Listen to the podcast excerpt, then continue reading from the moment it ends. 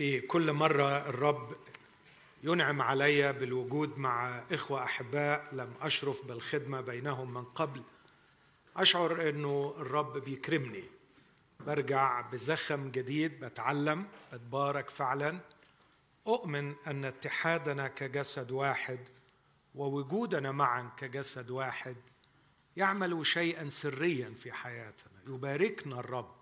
عندما نتواجد معا بشكل حتى ولو كنا لا نفهمه. فبشكر الرب لأجل إنعامه علي بهذه الفرصة. آه لما أخي الحبيب الأسيس إدجار اتصل بي وطلب مني إني آجي. كان أحد ردود الأفعال عندي ما ينفعش ما أخدمش في لبنان ما ينفعش.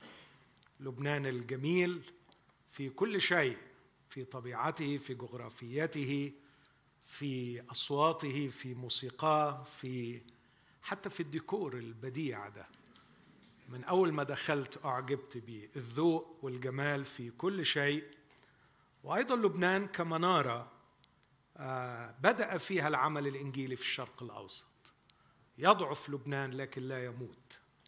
وبنعمة الرب تظل لبنان آه، تنشر النور كما كانت على مدار تقريبا 200 سنة. العمل الإنجيلي منير ونشط في لبنان. والرب يحفظكم في هذه الظروف الصعبة ويعبر بكم كما عبر بكم. أنتم تعودتم على الأزمات وتعودتم على العبور واختبرتم قدرة الرب التي تحمل في كل ظروف الحياة.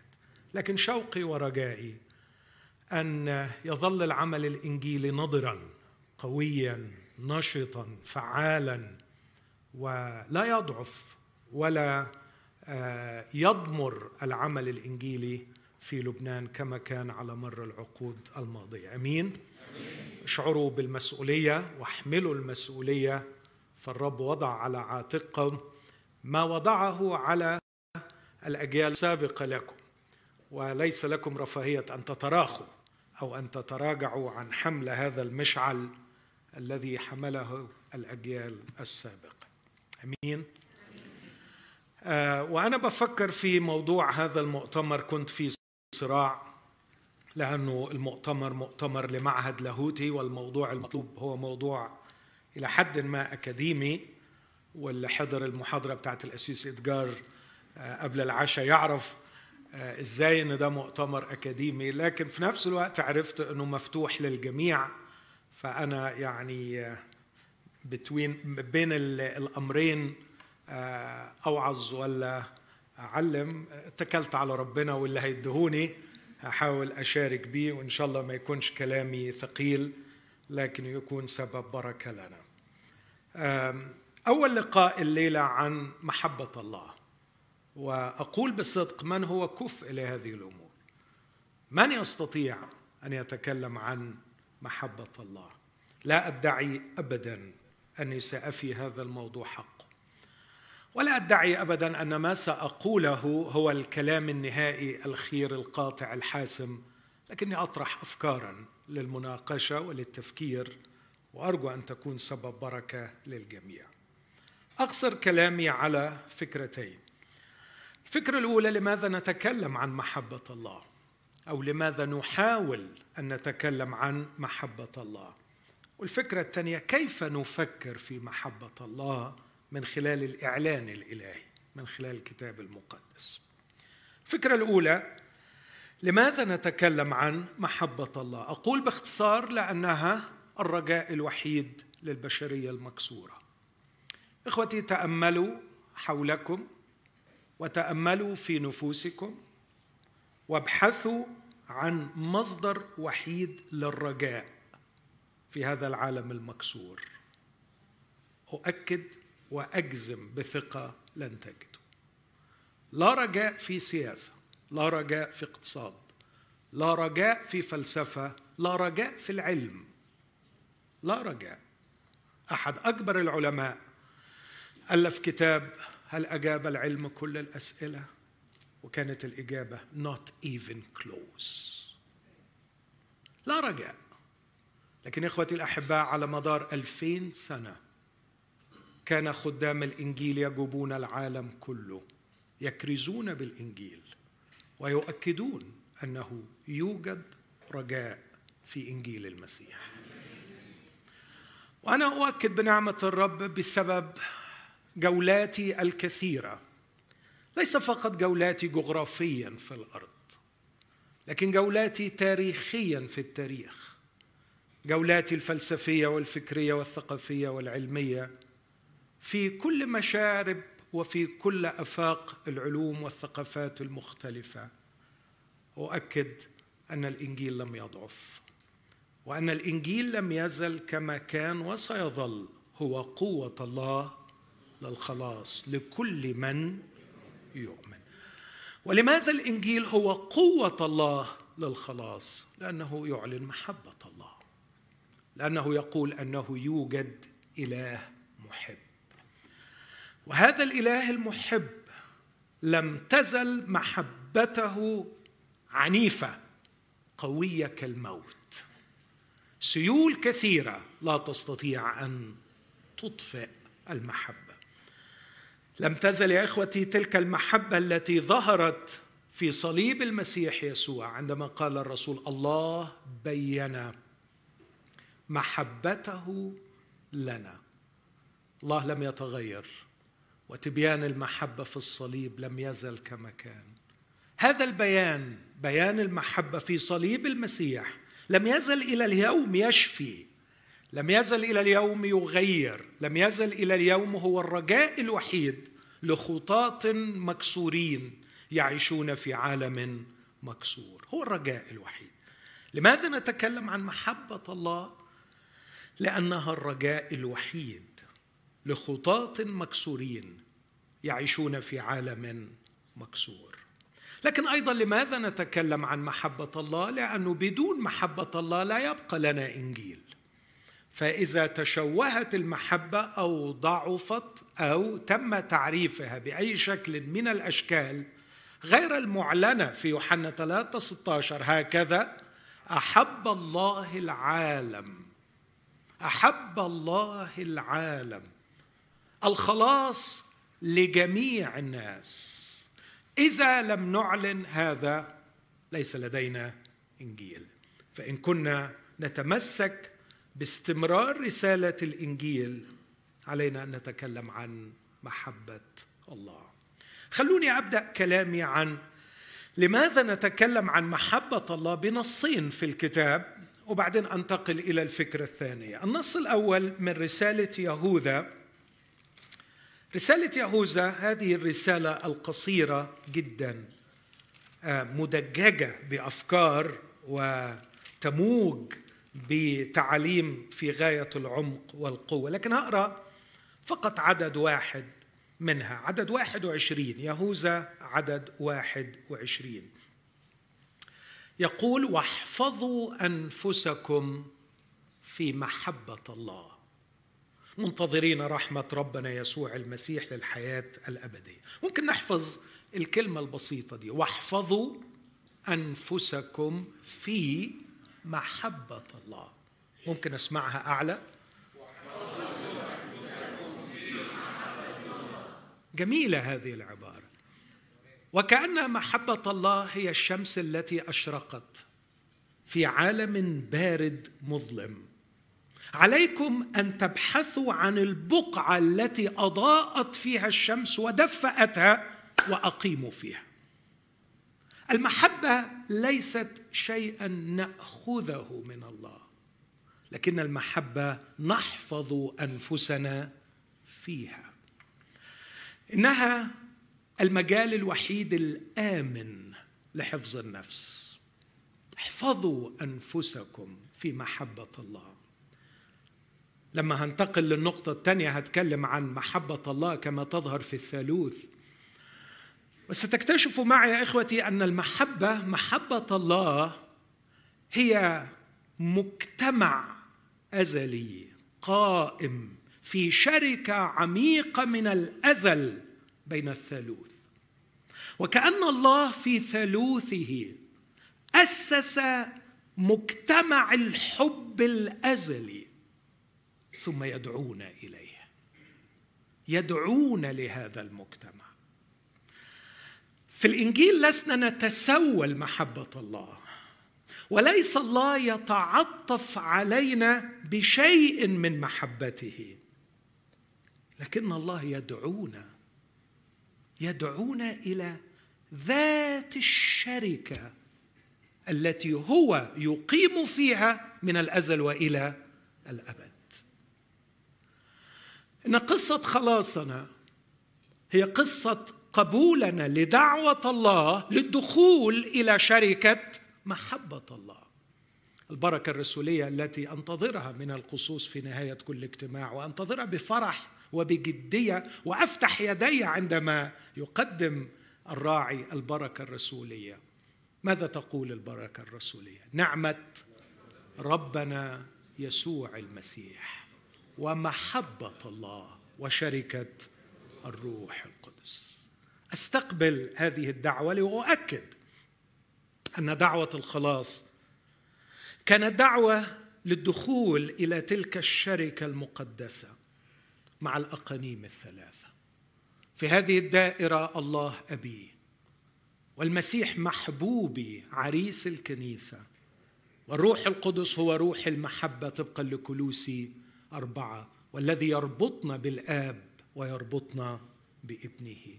صرنا أبناء لأبينا وعروس لابنه ومسكنا لروحه. ونحن في هذه الشركة العميقة في مجتمع الثالوث في مجتمع الله انجاز لي أن أقول. يأتي يهوذا ليقول هل قبلتم الدعوة؟ هل دخلتم إلى هذه الدائرة؟ هل دخلتم إلى محبة الله؟ إن محبة الله ليست كؤوس ترتوون بها. لكنها نهر تغمروا فيه. هل دخلتم إلى محبة الله؟ هل غمستم أنفسكم في دائرة الشركة؟ هل تنعموا بغمر هذه المحبة؟ إذا كانت الإجابة نعم احفظوا أنفسكم فيها. لا تبرحوا منها. لا تخرجوا. لا تستجيبوا للمشتتات الكثيرة من حولكم. لا تستمعوا للأصوات التي تناديكم من الداخل ومن الخارج معظمة أمامكم خطاياكم أو ظروفكم أو ضغوطكم. وتجعلكم ولو للحظات تخسروا نعمة الانغماس في محبة الله. احفظوا أنفسكم في محبة الله. إخوتي ليكن جهادنا الروحي. جهادنا الروحي. وأنا كثير بركز في الفترة الأخيرة على أهمية آه، تحرير الوعي. بكرة هنتكلم عن ال social media شوية. تحرير الوعي. تحرير الوعي ممن أسميهم آكلي عقول البشر. من يحاول أن يلتهموا من يحاول أن يلتهموا عقولنا من خلال السطو على وعينا. وعيك هو أنت. خاف على وعيك. واحترس من كل محاولة تشتت وعيك. ولكي أحفظ وعي من التشتيت علي أن أركزه على شيء وما هو الشيء الذي يمكن أن أركز عليه؟ وعي باستمرار. احفظوا أنفسكم فيه محبة الله. ذكر نفسك دائما أن هذا هو مقرك. هذه هي البقعة التي فيها تستدفئ. هذه هي البقعة الوحيدة على وجه الأرض التي هواءها نقي غير ملوث. محبة الله محبة الله محبة الله. الله أحبني. هكذا كان يعيش بولس.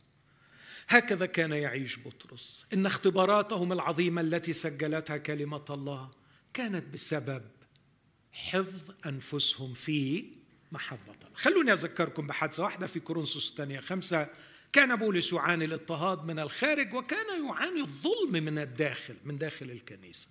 كيف ثبت هذا الرجل؟ قال لإخوته بعد ما استعرض إنه في آلام كثيرة من الخارج قال وإن كنت كلما أحبكم أكثر أحب أقل. حتى أن الناس تعتبرني مختلا لكن إن كنا مختلين فلله وإن كنا عاقلين ما تفسيرك لهذا؟ لهذا التصرف الغريب لأن محبة المسيح تحصرنا. constrains. ما بعرفش أفلت منها. محبة المسيح تحصرنا. فنحسب هذا أنه إن كان واحد قد مات لأجل الجميع فالجميع إذا ماتوا كي يعيش الأحياء فيما بعد. لا لأنفسهم بل للذي مات لأجلهم. وقبل قد رأيته يحبني.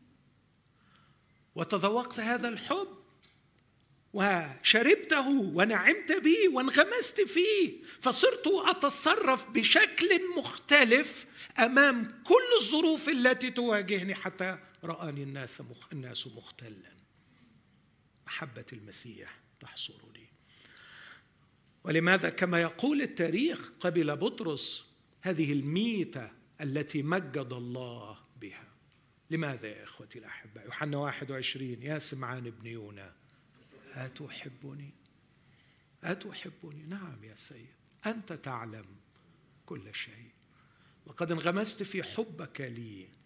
عندما رأيتك تنظر إلي وأنا أنكرك بنظرات الحب. عندما رأيتك تبحث عني بعد قيامتك من الموت ويقول الكتاب وظهر اولا للصفا كنت أنا الأول الذي تبحث عنه بينما كنت أنا الأول الذي أنكرك وخانك. ما هذا الحب؟ كيف لا أحبك؟ قد أعلنت لي حبك لذا أحفظ نفسي في محبه إخوتي الأحباء دعونا نفهم هذا ودعونا يكون هذا جهادنا الروحي أن نحفظ أنفسنا في محبة الله. أنا خايف الوقت يسحب مني. اجتهد في رسالة يوحنا الأولى وما ينفعش نتكلم عن محبة الله دون أن نعود إلى رسالة يوحنا الأولى. مش عارف آخد إيه وما آخدش إيه لكن أكتفي بيوحنا الأولى 4 16 وأيضا أرجو إن إحنا نحفظ هذا العدد. ونحن قد عرفنا وصدقنا المحبة التي لله فينا. بصوا جمال النص. فكروا معايا فيه يا اخواتي. نحن قد اسمع منكم عرفنا. وإيه كمان؟ وصدقنا. صدقنا المحبة. مش المحبة بتاعتنا إحنا. المحبة التي لله فينا among us. بانت فينا. أو يظهر أن المحبة وقد كانت قائمة ومستقرة وفائضة في مجتمعها الأزلي قررت قررت قرارا غريبا عجيبا أن تختار دائرة على الأرض تحل وتسكن فيها. هي الكنيسة.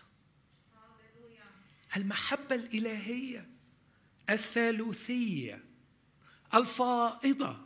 حيث الأقانيم الثلاثة كل أقنوم يهب نفسه للآخر. هذه المحبة الفائضه المتدفقة التي لم يدخل إليها ملاك. لم يدعى إليها ملاك. يراقبونها من بعيد يستمتعون بفيضانها عليهم. لكنها ظلت قاصرة اكسكلوسيف خاصة للأقانيم الثلاثة. هذه المحبة يا إخوتي اختارت لها عنوانا على الأرض. هو كنيسة الله. كان يسوع اسمعوني يا إخوتي كان يسوع هو خيمة الله. الكلمة صار جسدا وحل بيننا وفي هذه الخيمة استعلنت محبة الله. صعد يسوع إلى السماء وترك الكنيسة تواصل الرسالة. ففي الكنيسة حيث يوجد مش ثلاثة لكن ثلاثين ثلاثمية ثلاثة آلاف يحبون بعضهم بعضا. وفي هذا المجتمع الذي أسسه الروح القدس الذي يسمى شركة الروح القدس مجتمع الكنيسة تستعلن محبة الله. نحن قد عرفنا شفناه. عرفنا في كلام يوحنا مش معرفة انتلكتشوال معرفة اختبارية. عرفنا وصدقنا المحبة التي لله فينا. لم تعد غريبة عنا لم تعد غير مدركة. لقد أصبحنا نراها. أصبحت أرى محبة الله عندما أرى تلك الأخت المتقدمة جدا في أيامها تأتي بعد الاجتماع تتعكز لكي تربط على كتفي وتقول لي ماهر أنا أصلي من أجلك حبيبي. وهذا الأخ الذي يقول لي رأيتك مرهقا وقلقت عليك. وهذا الأخ الذي يغسل قدمي وينعش روحي. وهذا الابن الذي يأتي ليشجعني. وتلك الأخت التي تحبني. وهذا الأخ الذي يهتم بي. قد عرفنا وصدقنا المحبة التي لله أه؟ أسمع. فينا فينا among us بيننا. لكن كمل معايا النص من فضلك. الله محبة. يا الله محبة. مش الله بيحب لكن الله أشعر بالعجز عن شرح هذه الآية. الله محبة. بس اسمع. ومن يثبت في المحبة يثبت في الله والله فيه. وعلى مسؤوليتي منين ما تقرأ يثبت في كتابات يوحنا ترجمها يسكن وأنا مسؤول عن كده. يسكن. وكأنه عايز يقول من يثبت في المحبة يعني من؟ يقيم يستقر يسكن في المحبة. من يثبت في المحبة؟ من يقيم في المحبة؟ استكمالا ليهوذا احفظوا أنفسكم في محبة الله عندما تحفظ نفسك في محبة الله. أنت تقيم في الله. والله يقيم فيك. ولذلك يصبح هذا هو المقر الرسمي لإعلان محبة الله في الأرض. وعنوان الله على الأرض كنيسة الله الحي. عمود الحق وقاعدته بيت الله الحي. عمود الحق وقاعدته نحن قد عرفنا وصدقنا المحبة التي لله فينا. الله محبة. يمكن أرجع لها بعد شوية ومن يثبت في المحبة يثبت في الله والله فيه. الله فيه. أحيانا أو مش أحيانا في معظم المرات عندما أبدأ يومي بالصلاة في الصباح بسير على منوال الصلاة الربانية التي رنمناها قبل العظة وأبدأ بأبانا الذي في السماوات ليتقدس اسمك. وعندما أتوقف أمام ليتقدس اسمك أتذكر موقفين في العهد القديم تنجس فيهم اسم الرب. الموقف الأول في حسقيال عندما عاتب الرب شعبه لأنهم نجسوا اسمه بين الأمم. كيف نجسوا اسمه بين الأمم؟ قدموا صورة مشوهة لله بين الأمم. وكيف تنجس اسم الرب في سفر ملاخي عندما خدم الخدام الرب بالمعيوب بالأعرج والسقيم والأعمى. فكتير أقول للرب يا رب اليوم أريد أن يتقدس اسمك. أن يتقدس اسمك في حياتي أن لا أقدم عنك صورة مشوهة للناس الذين سأحتج بهم. وهنا يقول لي أنك مقر إعلان محبة الله.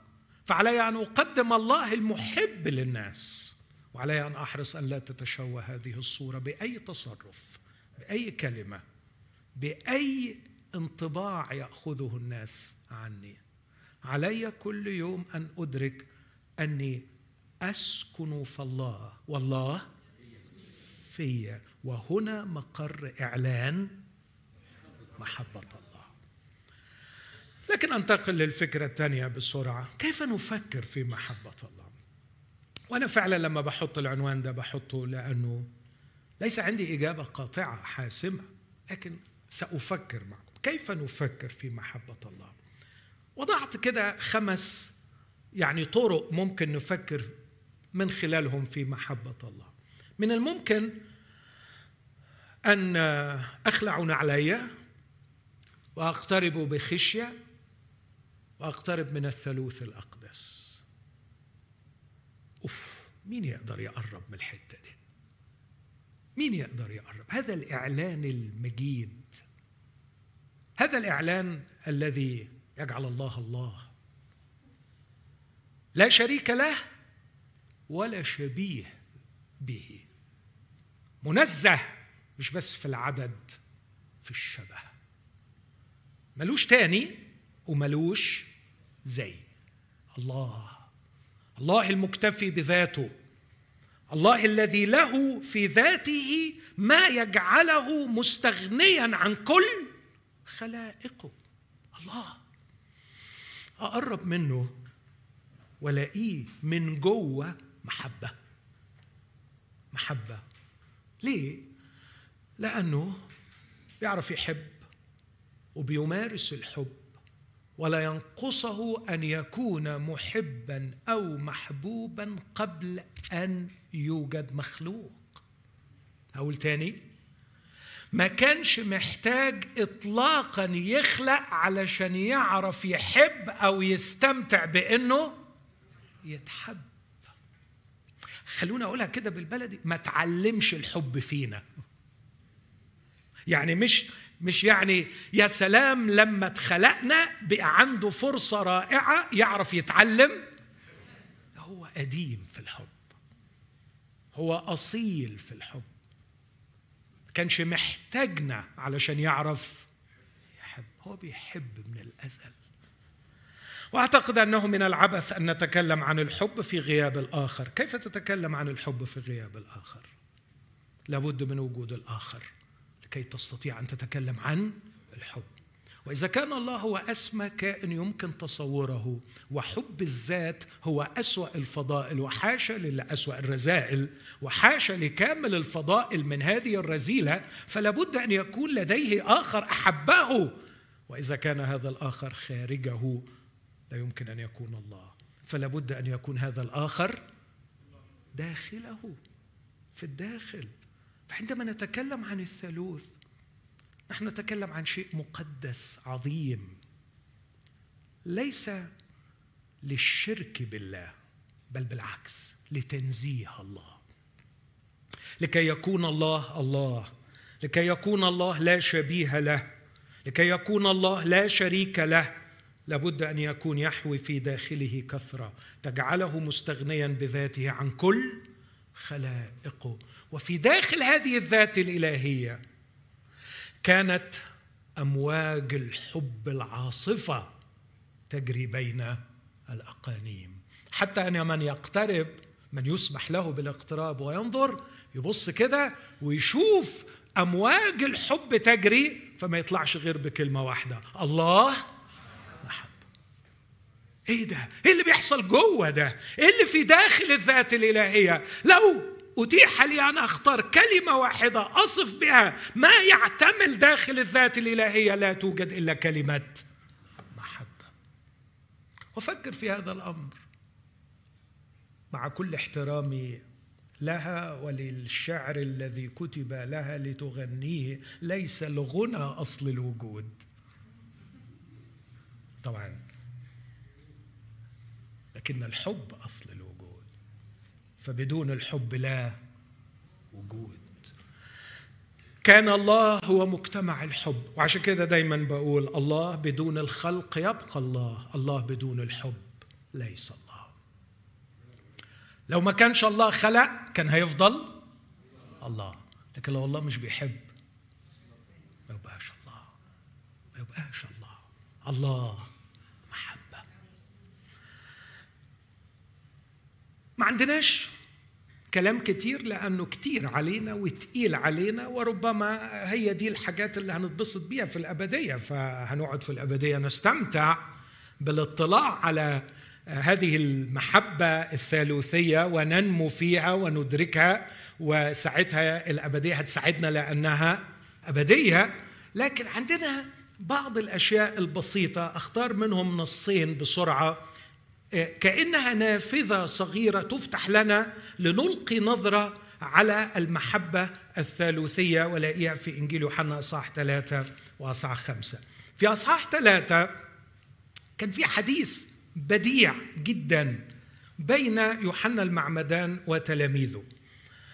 وتكلم فيه المعمدان عن يسوع ربنا يسوع بلغة الحقيقة غاية في الجمال والتقدير والاحترام. اللي فعلا تخلينا نفهم أو نجد تبرير لكلام الرب عن المعمدان أنه لم يولد من النساء نبي أعظم من يوحنا المعمدان. لما قال اذا فرحي هذا قد كمل ينبغي أن ذلك يزيد وإني أنا أنقص. أمام هذه العبارات لم يستطع يوحنا الرسول أن يصمت فأضاف تعليقه مسوقا بالروح القدس. ومن عدد 31 يبدأ تعليق يوحنا الرسول فيقول وكأنه عايز عنده حق. عنده حق ينبغي أن ذلك يزيد وأن يوحنا ينقص. ليه؟ يعطي تعليقه فيقول لأن الذي يأتي من فوق هو فوق الجميع. والذي من الأرض هو أرضي ومن الأرض يتكلم. الذي يأتي من السماء هو فوق الجميع. اسمع بقى. وما رآه.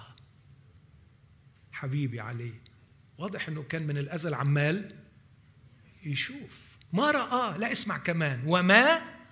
وسمعه. ما رآه وسمعه. به يشهد. ده جاي من دنيا تانية يا جماعة. ده جاي من فوق. جاي من من دايرة مليانة بما يرى. ومليانة بما يسمع. وهناك قد رأى. وهناك قد سمع.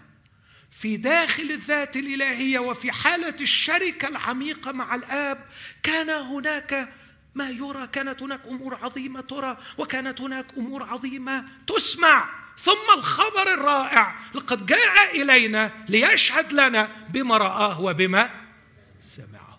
وأعظم خبر قاله لنا. بيحبكم. بيحبكم. أعظم خبر. لا مش بس بيحبكم. وهيوزع عليكم شوية عطايا زي سانتا كلوز. بيحبكم ويدعوكم للدخول إلى مجتمع الشركة معه. دخول لذ... إيه؟ مش عارف أقول إيه. شركاء الطبيعة الالهيه القسيس ادجار اتكلم شوية عن الأباء وخصوصا أباء إسكندرية في المحاضرة اللي فاتت كانوا بيكلمونا عن حاجة اسمها الثيوزس. إنه عايز يخلينا شبهه عايز يخلينا زيه عايز يخلينا منه لكن حتى لو دي تقيلة عليك بس افتكر إنه دعانا إلى مجتمع الشركة الثالوثية لكي نكون أبناء للآب عروس للابن مسكن للروح القدس تخيل تخيل إحنا مين؟ وليه أمور تشتهي الملائكة أن تطلع عليها؟ ما لهمش نصيب فيها. أليس جميعهم ارواحا؟ خادم. تظل تخدم تتفرج على المنظر. إيه؟ لكن أرجع تاني وأقول إنه في داخل هذا المجتمع كان هناك ما يرى كان هناك ما يسمع. وجاء الابن ليشهد وشهادته ليس أحد يقبلها. اسمع ومن قبل شهادته فقد ختم أن الله صادق. لأن الذي أرسله الله يتكلم بكلام الله. لاحظ لما يقول أرسله الله مخك ما يستعملش الجغرافيا والزمن في محاولة فهم من هو الله. أرسله الله يعني مش طلع بره الله. لكن الله الآب هو الله المرسل دائما. والله الابن هو الله المرسل دائما. الجديد أن الله المرسل ملاك العهد الرب يسوع اللي من الأزل هو ال... الذي يكشف من هو الله ويعلن من هو الله. هو ملاك العهد هو ملاك الرب. الله المرسل صار بشرا وحل بيننا. ففكرة إنه من أرسله الله مش معناه إنه يعني انفصل عن الله. لا الله هو ألف مرة على فكرة الكلام الذي أتكلم به لست أتكلم به من نفسي لكن الآب الحال في هو يعمل الأعمال. الذي أرسله الله يتكلم بكلام الله. وبعدين بص يوحنا بيقول إيه؟ يوحنا الرسول. لأنه ليس بكيل يعطي الله الروح. هنا بيقتبس من واحد من الربيين اليهود. كان في واحد بس أنا ناسي اسمه. كان بيقول إن الله لما بيرسل الأنبياء بيعطي النبي مهمة تاسك معينة ويعطيه قدر من الروح على قدر المهمة. بس مع يسوع ليس بكيل. يعطي الله الروح لأنه الروح هو روح الإبن وروح الآب وهو واحد مع الآب ومع الابن بيطلعنا على الثالوث. ثم يضيف هذه العبارة الخطيرة فيقول لأن الآب الآب يحب الابن وقد دفع كل شيء في يده. ممكن نقول العبارة دي مع بعض؟ الآب يحب الابن وقد لو طلبت منكم تحطوا خط تحت كلمة من العبارة دي تحطوا تحت إيه بالظبط الآب يحب الإبن وقد دفع كل شيء إلى يده. أنا شخصيا أحط تحت كل. الآب يحب الإبن. وما هو التعبير عن محبة الآب للإبن؟ هناك في الأزل في المجتمع الثالوثي في الداخل دفع كل شيء. كل شيء. full trust مفيش أي ذرة عدم ثقة. حب يترجم في حالة ثقة. كاملة. كاملة. كل شيء. كل شيء. كل ما يختص بكرامة الآب بمجد الآب بمقاصد الآب بمشاريع الآب بخطط الآب بعمل الآب في التاريخ البشري. كل شيء يشتاق إليه الآب. يحبه الآب يتمناه الآب. دفع كل شيء إلى يده. وعندما يفكر الآب في مجد وفي ملكوت وفي سلطان دفع الكل للابن المبارك يسوع المسيح. لكن يوحنا نفسه يكشف لنا جانب آخر في المحبة الثالوثية. أنا بسميها المحبة الثالوثية الباطنية. لاحظوا أنا بتكلم بخوف باحتراس فعلا. لأنه أنا أنا أنا بتكلم على قد الإعلان اللي موجود عندنا عن محبة موجودة في داخل الثالوث من الداخل. بس دي الأساس اللي نبني عليه لأنه زي ما قلت أرجع تاني وأقول لما جالنا يسوع المسيح وقال لنا إن الله بيحبنا ما كانش بيتعلم الحب فينا. كان اوريدي جاي من دنيا المحبة. من عالم المحبة من كيان المحبة من نبع هو عايش في الحب وغرقان في الحب من الأزل وإلى الأبد. جاي لنا من المحبة الثالوثية الباطنية. يقول في يوحنا خمسة هذه الكلمات. هنا بقى كلمات الرب نفسه. مش تعليق يوحنا الرسول على موقف من يوحنا المعمدان لكن كلام الرب يسوع نفسه. بيقولوا له إزاي تعمل كده يوم السبت؟ بجد كتر ألف خير ونتحملهم يعني أنا بيعجبني قوي الرب يسوع في طولة باله وصبره على اللي ما بيفهموش.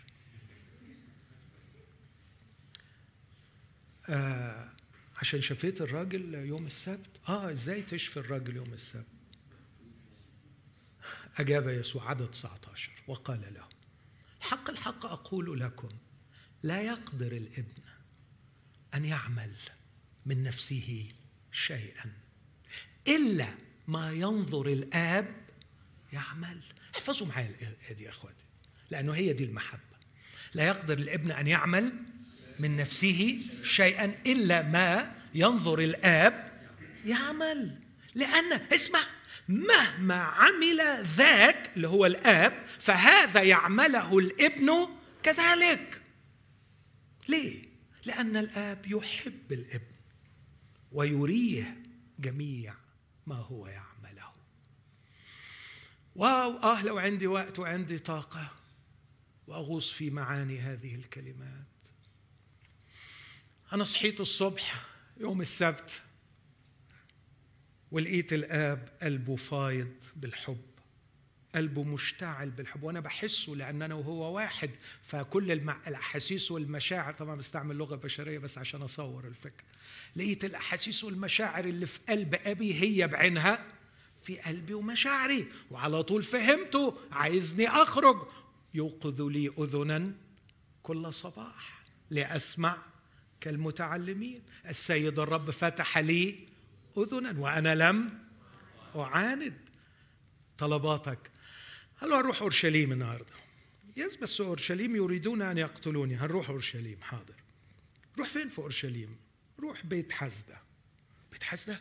دي مليانة خمسة أروقة مليانة جمهور كثير. آه لا مش هتروح للخمس أروقة. هتروح لواحد ليه 38 سنة هناك. آه يعني ممكن بس أعرف هو ده بالذات ليه يعني؟ أنا بعد كده شخصيا ليا تحليل النفسي. ده أسوأ شخصية في البركة دي. وراجل قليل أصل. وراح بلغ عن الرب يسوع أمن الدولة بعد شوية. وكان سببا في محاولة اليهود أن يقتلوا يسوع. والرب يسوع قال له أنا بحذرك ما تعملش الخطية لئلا يصير لك أشر. وللأسف ما فهمش التحذير. بس الآب عايز كده. طب ماشي هروح للراجل اللي ما يستاهلش بس النهارده السبت ودي هتعمل لنا مشكلة. لا روح. حاضر يا أبي. لا يقدر الابن أن يعمل من نفسه شيئا إلا ما ينظر الاب يا اخوانا أنا وهو ما, ما نقدرش ما نقدرش نستقل ما, ما نقدرش نستغنى عن بعض ما نقدرش كل واحد فينا يبقى ليه اختيار. واخدين بالكم من الحب ده اللي جوه الثالوث؟ مهما عمل ذاك فهذا يعمله الابن كذلك. ما أقدرش أبي يعمل حتى الآن؟ خلاص ما دام هو بيعمل أنا بعمل. لأن الآب يحب الابن. اسمع ويريه جميع ما هو يعمل التكشف. بص أخواتي خصوصا المتجوزين لو ما فيش تكشف ما فيش حب. وأول علامات الحب الثقة ثم تكشف. فكر فيها. فكر فيها. أنا بحبك على قد ما أجرؤ وأشعر بالأمان أن أكشف نفسي لك. وأشعر بمحبتك لي عندما أراك لا تتحرج من أن تكشف نفسك لي. الآب يحب الابن وقد دفع ليده كل شيء. ثقة مطلقة. الآب يحب الابن ويريه جميع ما هو يعمله. تكشف. كامل. فعندما ندخل إذا استطعنا أن ندخل بالروح القدس إلى داخل دائرة المحبة الثالوثية الباطنية في الداخل سنرى تيارات المحبة في ثقة بديعة في تكشف كامل ونحن مدعوون للشركة في داخل هذه الدائرة ونعيش فيها وننغمس فيها وننقلها إلى عنوانها الرسمي ومقرها الدائم على الأرض ألا وهو كنيسة الله فإن قلنا أن لنا شركة معه وسلكنا في الظلمة الظلمة هنا مش الخطية. يعني بنخبي. نكذب ولسنا نعمل الحق. لكن إن سلكنا في النور كما هو في النور فلنا إيه؟ شركة بعضنا مع بعض. ودم يسوع المسيح ابنه يطهرنا من كل خطية. واو على مجتمع المحبة الذي دعينا إليه.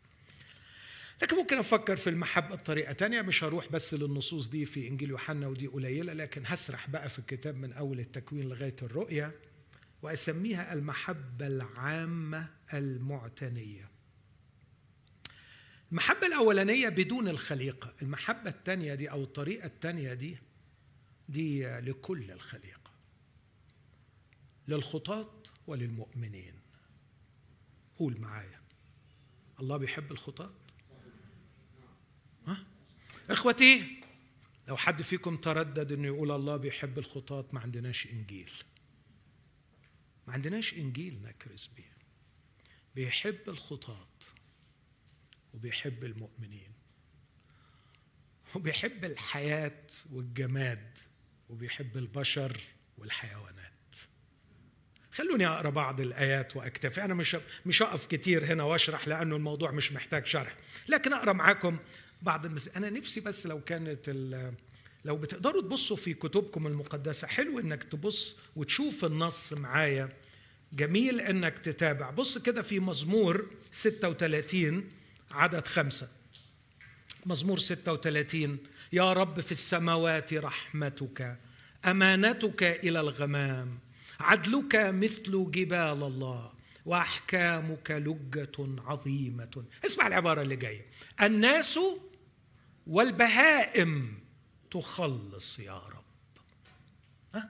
قول معايا العبارة دي. الناس والبهائم تخلص يا رب. عندما يعتق الرب الخليقة الحمار هياكل علف متملح ومتزري.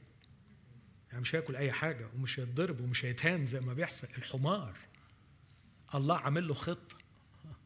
الله عنده خطة للحمار وعنده خطة للدبة. وللبقر. صح؟ مش كده؟ مش ده اللي هيحصل عندما يملك المسيح؟ هيتم فداء الخليقة وفداء الجماد وفداء الطبيعة وإصلاح كل شيء. الناس والبهائم تخلص. يا الله يا رب اسمع عدد سبعة. ما أكرم رحمتك يا الله فبنوا البشر. زي ما اتعلمنا في المحاضرة اللي فاتت ما ما ما, تزودش من عندك. بنوا إيه؟ بنوا البشر بنوا البشر في ظل جناحيك يحتمون. بنوا البشر يا إخوتي المسيحيين لتكن قلوبكم كقلوب أبيكم السماوي وليكن فكركم كفكر أبيكم السماوي. حبوا الناس وحبوا الطبيعة وحبوا حتى الحيوانات. بنوا البشر في ظل جناحيك يحتمون. مزمور 145 ما دمنا في سفر المزامير. مزمور 145 أقرأ أعداد قليلة جدا منه. عدد 14 أو عدد 8 و9 الرب حنان ورحيم طويل الروح وكثير الرحمة. عدد 9 الرب صالح احترم الكتاب. صالح لل اوعى تحط من عندك كلمة على الكل. الرب صالح للكل. اسمع ومراحمه على كل على كل أعماله. أوعى أنت تزود من عندك حاجة. مراحمه على كل أعماله. ما أجمل. عدد 14 الرب عاضد كل الساقطين ومقوم كل المنحنيين أعين الكل إياك تترجى وأنت تعطيهم طعامهم في حين تفتح يدك فتشبع كل واخدين بالكم أكثر كلمة بتتكرر إيه؟ كل. كل. الرب بار في كل طرقه ورحيم في كل أعمال. الرب قريب لكل الذين يدعونه. الذين يدعونه بالحق. آه، ده العهد القديم. نروح لإنجيل متى؟ أصحاح خمسة في عايز أقول إيه؟ آه كلام الملك ملك الكلام. يعني لما تقرأ الموعظة على الجبل خلاص ما فيش حد يعلي على كلام الملك. بص في متى خمسة ماذا يقول المسيح له المجد في ابتداء من عدد 44 وأما أنا فأقول لكم أحبوا أعداءكم.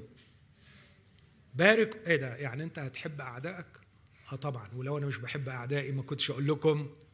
لاحظوا إحنا بننتقل نقلة كبيرة شوية مش يحب الكل لا يحب إيه؟ الله يحب اعدائه قول. ولا خايف تقول؟ قول الله بيحب. يعني يعني فكرك يعني عايزني أنا أبقى أرقى منه؟ أنا أبقى أبر منه؟ يعني يقول لي ماهر حب أعدائك بس على فكرة أنا ما بحبش أعدائي؟ ينفع؟ بيصير يا أحب هالكلام الفارغ؟ لا. أحبوا اعدائكم باركوا لاعينيكم يعني انت هتبارك اللي بيلعنوك؟ آه طبعا. احسنوا إلى يعني انت هتحسن للي بيبغضوك؟ طبعا. أنا بقول طبعا بالثقه كده بناء على اللي هتقروه دلوقتي. وصلوا لأجل الذين يسيئون إليكم. اعملوا ده مش بس في العلن عشان الناس تمدحكم لكن في الصلاة بتعملوها فين؟ في الخفاء. فأنتوا هتحبوا أعدائكم وتباركوا لعينيكم وتحسنوا إلى مبغضيكم في العلن وأيضا في الخفاء. ليه؟ ليه؟ لكي تكونوا ليست كي تكونوا سببيه لكن دلائلية. مش علشان نبقى أبناء أبينا لكن لندلل أننا أبناء أبينا. لكي تكونوا أبناء أبيكم الذي في السماوات فإنه يشرق شمسه على الأشرار والصالحين ويمطر على الأبرار والظالمين. لأنه إن أحببتم الذين يحبونكم فأي أجر لكم. آه تيموساوس الأولى أربعة عشرة عبارة كانت دايما بتحيرني زمان لكن في نفس الوقت صارت بركة كبيرة لحياتي. في تيموساوس الأولى أربعة عشرة الرسول بيشجع إخواته أن يلقوا رجاءهم على الله. عدد تسعة صادقة هي الكلمة ومستحقة كل قبول لأننا لهذا نتعب ونعير. لأننا قد ألقينا رجاءنا على الله الحي الذي هو مخلص جميع الناس. أكيد أنا مش الخلاص الأبدي لكن الخلاص من الضيقات من المشاكل ولا سيما المؤمنين. أعتقد أنه ما حدش هيختلف معايا على وجود هذه المحبة العامة المعتنية. المحبة الثالثة أو الفكرة الثالثة أسميها المحبة المشتاقة. الداعية. ودي برضو ممكن نمشي فيها في كل الكتاب. محبة أب. مشتاق. مشتاق على اللي بره ومشتاق على اللي جوه. ونفسه اللي بره يرجع ونفسه اللي جوه يدخل. فاكرين الحكاية؟ حكاية الأب المحب. اللي الواد الصغير خد بعضه ومشي وبذر ماله بعيش مسرف الاب قاعد مشتاق. إمتى؟ يرجع. واللي جوه. خرج إليه أبوه. طالبا إليه أن يدخل. فلم يرد. يا ابني أنت معي في كل حين. وكل ما لي فهو لك. اب غني في محبته. بيحب اللي بره وبيحب اللي جوه. بيحب اللي بذر ماله بعيش مسرف وبيحب اللي عاش جوه ومرضيش حتى ياكل مع أبوه ولا يفرح مع أبوه. جديا لم تعطيني لأفرح مع أصدقائي. يعني لو كنت اديتني جدي ما كنتش هفرح معاك أنا ما أعرفش أقعد معاك وما ما وبصراحة ما بحبش القعدة معاك. لكن كنت هاخد الجدي وأروح أفرح مع أصدقائي. لكن الأب للحظة الأخيرة كان يبغي خلاص الابن الذي في الداخل الابن الأكبر كان يريد أن يخلص. تماما كما اشتاق لخلاص الأصغر اشتاق لخلاص الأكبر. محبة مشتاقة داعية. تالي يوحنا 3 16 العبارة العظيمة. هكذا أحب الله العالم. بيحب الصغير وبيحب الكبير بيحب اللي هيقبل وبيحب اللي هيرفض. على فكرة القصة بدأت بأن الواد الصغير بره والكبير جوه انتهت بأن الصغير جوه والكبير. بس الأب بيحب الاثنين بيحب الاثنين بيحب من قبل وبيحب من لم يقبل. أيوب 33 نص جميل يوري لك محبة الله اللي بحب أسميها الاسم ده المحبة المشتاقة. الداعية بتدعو.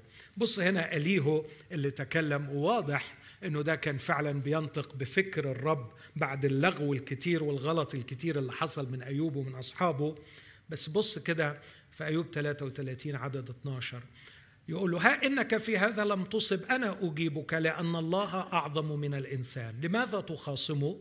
لأن كل أموره لا يجاوب عنها. لكن الله اسمع يتكلم مرة وباثنتين. لا يلاحظ الإنسان. مشغول بالإنسان. ويا ريت تعد معايا قد إيه بيستعمل كلمة الإنسان. في العربي الإنسان والناس والرجل هي كلها كلمة واحدة. مان محبوب الإنسان. لا يلاحظ الإنسان. في حلم في رؤيا الليل. عند سقوط سبات على الناس في النعاس على المضجع. يعني يقعد يكلمهم وهم صاحيين مش عايزين يسمعوا فيروح لهم وهم نايمين. لعلهم يسمعوا. وبعدين يقول حينئذ عايز يكشف اذان الناس يعني إيه يكشفها؟ يفتحها يعني بالعافية يخليهم يسمعوا. ده الناس بيعمل كده مع كل الناس. يكشف أذان الناس ويختم على تأديبهم يوجعهم. ليه؟ ليحول الإنسان عن عمله ويكتم الكبرياء عن الرجل ليمنع نفسه عن الحفرة وحياته من الزوال بحربة الموت. بيعمل كده مع كل الناس. النص جميل بس عشان الوقت انتقل إلى شعيا 48 17 شعيا 48 17 يقول كلمات أتمنى تحفظوها أحبائي لأنها أنا شخصيا كانت سبب بركة لحياتي في يوم من الأيام. هكذا يقول الرب فاديك قدوس إسرائيل. أنا الرب إلهك معلمك لتنتفع وأمشيك في طريق تسلك فيه. بص ليتك ليتك يا ريتك.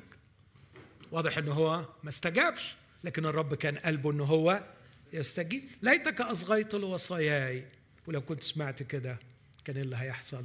كان كنهر سلامك وبرك كلجج البحر. شعر 55 نص مشهور جدا. هلموا أيها العطاش. تعالوا. تعالوا اشربوا. كل اللي عطشان يجي. أكتر كلمة كنت بعمل محاضرة عن اختباء الله hiddenness of God. بعدين شاب بيسألني بيقول لي ليه؟ ليه؟ ليه بس؟ قلت له لأنه لا يبحث عن عقول تنتظر دليل لتقتنع لكن عن أرواح عطشانة تبحث عن ماء لكي تشرب. على فكرة أسهل حاجة عنده يسحق العقل بالدليل وراء الدليل وراء الدليل. الله لا تنقصه الحجة. لكن الله يريد قلوب عطشانة فكان دائما ينادي على العطشان. وقف يسوع في اليوم الأخير العظيم من العيد وقال إن عطش أحد فليقبل إلي ويشرب. شاعر 55 اقروه علشان الوقت. الأسيس إدجار أشار وأؤكد لقى 13 لقى 13 بيرثي أورشليم. كم مرة؟ أردت. أردت. واسمعي يا قليلة الأدب يا أورشليم. لما أنا أريد غصب عن عين اللي جابوكي تريدي. قال لها كده؟ قال كده؟ كم مرة أردت؟ وأنتم؟ خلصت. خلصت ما تلوي دراعهم. لا أريد أن أجمع حجارة حولي. لم آتي لأكون حظيرة بهائم لكني أتيت لكي أدعو عقولا واعية ونفوسا راغبة وأرواحا عطشانة. من يرد فليأتي. من يعطش فليأخذ. ماء حياة مجانا. في أصحاحات روميا الصعبة تسعة وعشرة وحداشر يقول بولس في محجته الرائعة هذه العبارة أما عن إسرائيل فيقول طول النهار طول النهار بسطت يدي لشعب معاد وفقدوا مركزهم كإناء للشهادة أمام الله. بعد أن قدمت لهم الفرصة والامتيازات العشرة التي وصفها. في لقى 13 يقول لها كم مرة أردت وأنتم لم تريدوا. لقى 19 وهو يودع أورشليم ويودع الأرض نظر إلى المدينة وبكى عليها. خلاص ما فيش أمل. وهو رايح على الصليب بيبكوا عليه. ما تبكوش علي ابكوا على أنفسكم. لأنك لم تريدي. تيموساوس الأولى اثنين العبارة الشهيرة لأن الله يريد أن جميع الناس يخلصون وإلى معرفة الحق يقبلون. بطرس الثانية ثلاثة العبارة الشهيرة وهو لا يشاء أن يهلك أناس بل أن يقبل الجميع إلى التوبة. الفكرة الرابعة أو الطريقة الرابعة اللي ممكن نفكر فيها ومعلش ودي كونتروفيرشال شوية واستحملوني فيها وفكروا معايا فيها وقد أكون مخطئ لكن أنا بحاول أني أتعلم. أسميها المحبة الإرادية المتسامية. يعني إيه المحبة الإرادية المتسامية؟ أن الله يختار لكن على قد ما أنا فاهم عندما تأتي كلمة الاختيار تأتي دائما مرتبطة باختيار لمقام لامتياز لوظيفة على سبيل المثال واحد من أشهر الأمثلة التي أشتاق أن أدرسها أكثر في إنجيل لوقا أصحاح ستة الرب يسوع له المجد قضى الليل كله في الصلاة. ليلة كاملة في الصلاة. أنا ما أعرفش كان إيه الموضوع اللي ضغط عليه علشان يقضي الليلة كلها في تلك الأيام خرج إلى الجبل ليصلي وقضى الليل كله في الصلاة لله. ولما كان النهار دعا تلاميذه. دعا كل التلاميذ. لاحظ مش الرسل. دعا كل تلاميذ واختار منهم اثني عشر. واختار منهم اثني عشر. الذين سماهم أيضا رسلا. ومن ضمن ال 12 اللي اختارهم يهوذا. وقال عدد 16 ويهوذا الإسخريوطي الذي صار مسلما أيضا. سؤالي يا إخوتي الأحباء هل كان الرب يسوع يحب يهوذا؟ ولا اختاروا كده عشان يعمل تمثيلية و... ويدينا درس إحنا والراجل يروح في داهية زي بعضه بس ال... بس المهم إن إحنا نتعلم درس إنه ممكن وسط ال 12 يطلع واحد. ده لعب بأقدار الناس وم... يعني عيب إن إحنا نفكر بالطريقة دي. أجيب بكل قلبي وكياني نعم كان سيدي المسيح يحب يهوذا. ما كانش بيعمل تمثيلية لقد اختار يهوذا. واختار يهوذا بكامل إرادته وبكامل وعيه وبكامل حبه. إيه أدلتي؟ أن الرب يسوع كان بيحب يهوذا. في ثلاث نصوص في سفر المزامير تنبأت عن يهوذا. أنا أختار منهم اثنين أو واحد بس علشان الوقت خلص. بص معايا في سفر المزامير أصحاح 41 مزمور 41 يقول هذه الكلمات عن يهوذا التي تؤكد وجهة نظري أن الرب يسوع كان يحب يهوذا الإسخريوطي. في 41 عدد تسعة يقول هذه الكلمات. 41 عدد تسعة. أيضا رجل سلامتي الذي وثقت وثقت به. آكل خبزي رفع علي عقب. رجل سلامتي.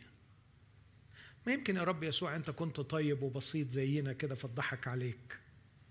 ينفع الكلام الفارغ ده؟ الذي وثقت ب... مين قال لك تتسرع وتثق في الناس قبل ما يبانوا على حقيقتهم؟ مش قلنا لك مئة مرة ما... ينفع الكلام الفارغ ده؟ حاشا برافو حاشا. وثقت به. آكل خبزي. رفصني. رفصني من وراء رفصني.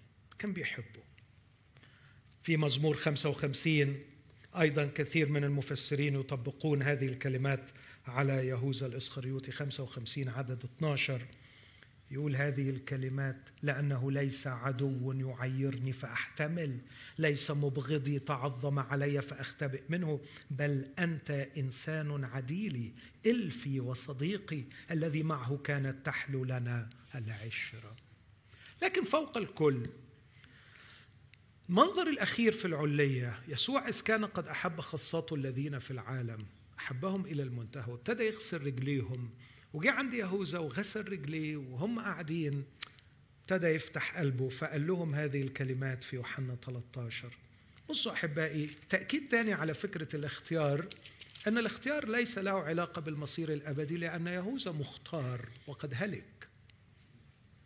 إنه مختار وهلك. لاحظوا مش هلك لأنه مختار. لكنه مختار وعلى الرغم من هذا هلك لأن الاختيار ليس له علاقة بالنجاة من الهلاك. الاختيار هو اختيار لمقام لوظيفة لامتياز. لقد اختار الله إسرائيل لمقام عظيم وما قدروهوش ورفصوه برجليهم. وهنا تأتي قصة هذه الأصحاحات الشائكة. لكن أيضا أقول يا إخوتي هناك اختيار أعجب وأمجد وبديع للغاية. اختيار الله للكنيسة في المسيح يسوع. خلونا أقولها بالإنجلش to be the new divine council كان الله من الأزل يحب أن يكون له عائلة. وقد اختار العائلة من أبناء الله. مين أبناء الله في العهد القديم؟ ملائكة. لهم مقام كبير. من يشبه الله بين أبناء الله. الله قائم في مجمع. الله بين الآلهة.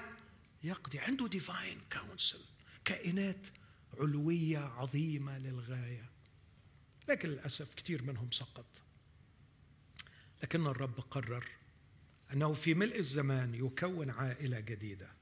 ويختار من بين الناجين من الهلاك من بين الذين خلصوا من الهلاك.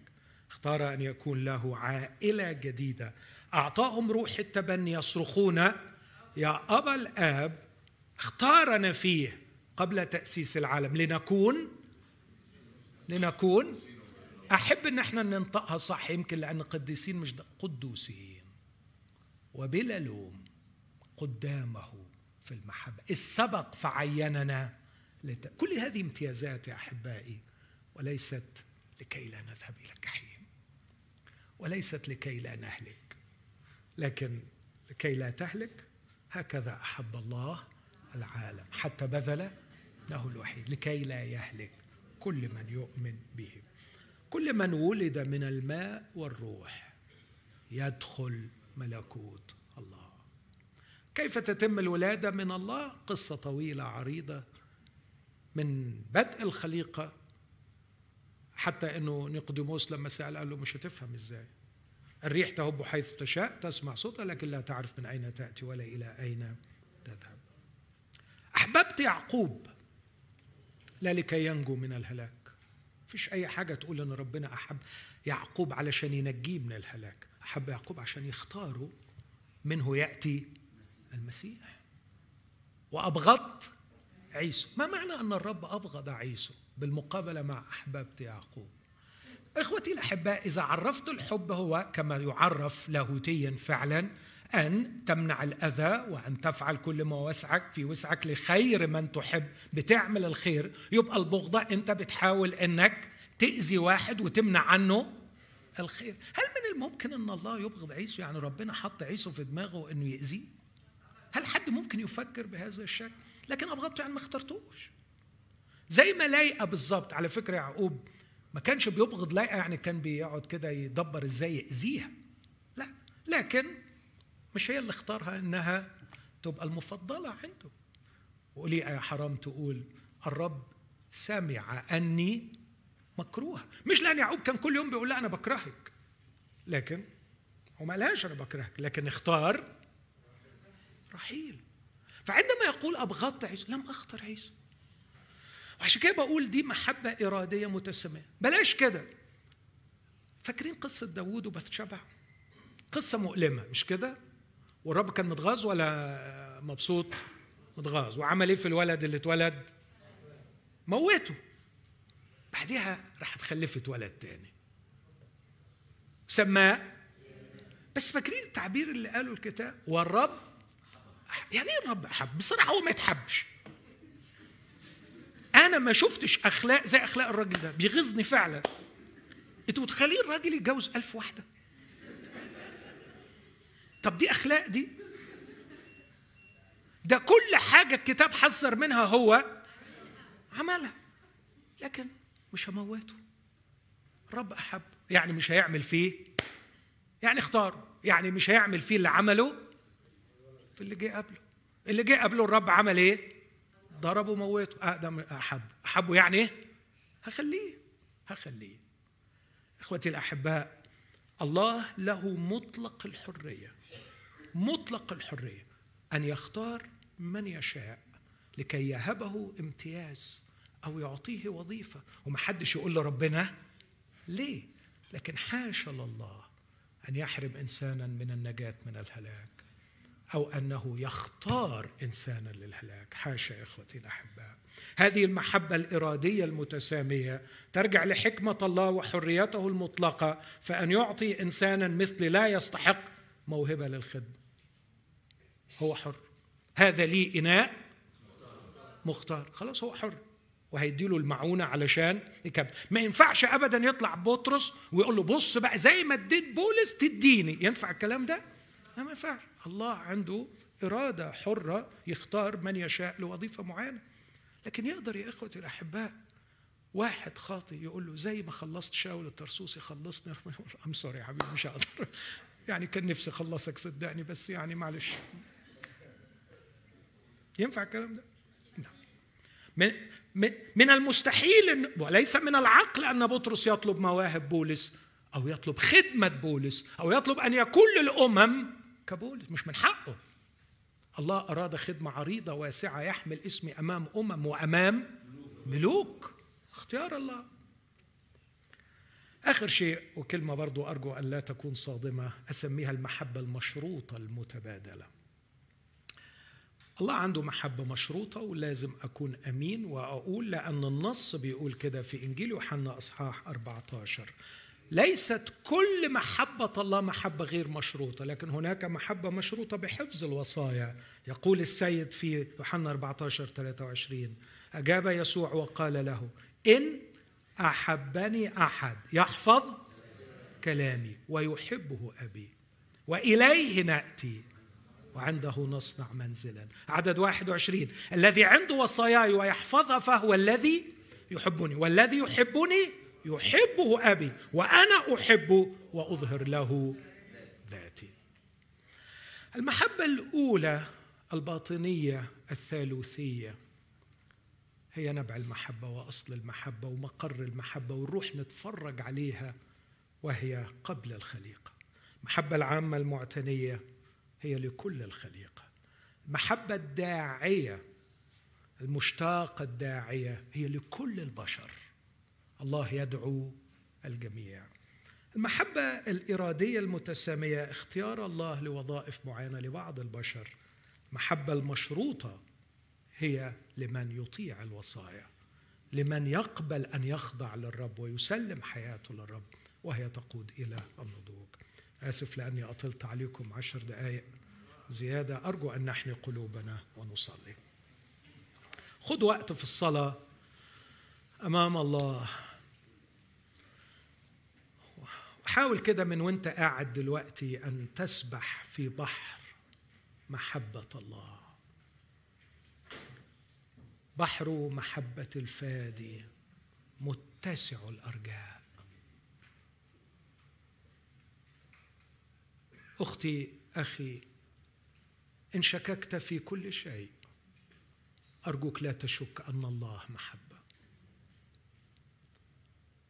ومهما حاول العدو أن يشوه لديك أو لديك هذه الصورة كن كالأسد في رفض هذه الأكاذيب.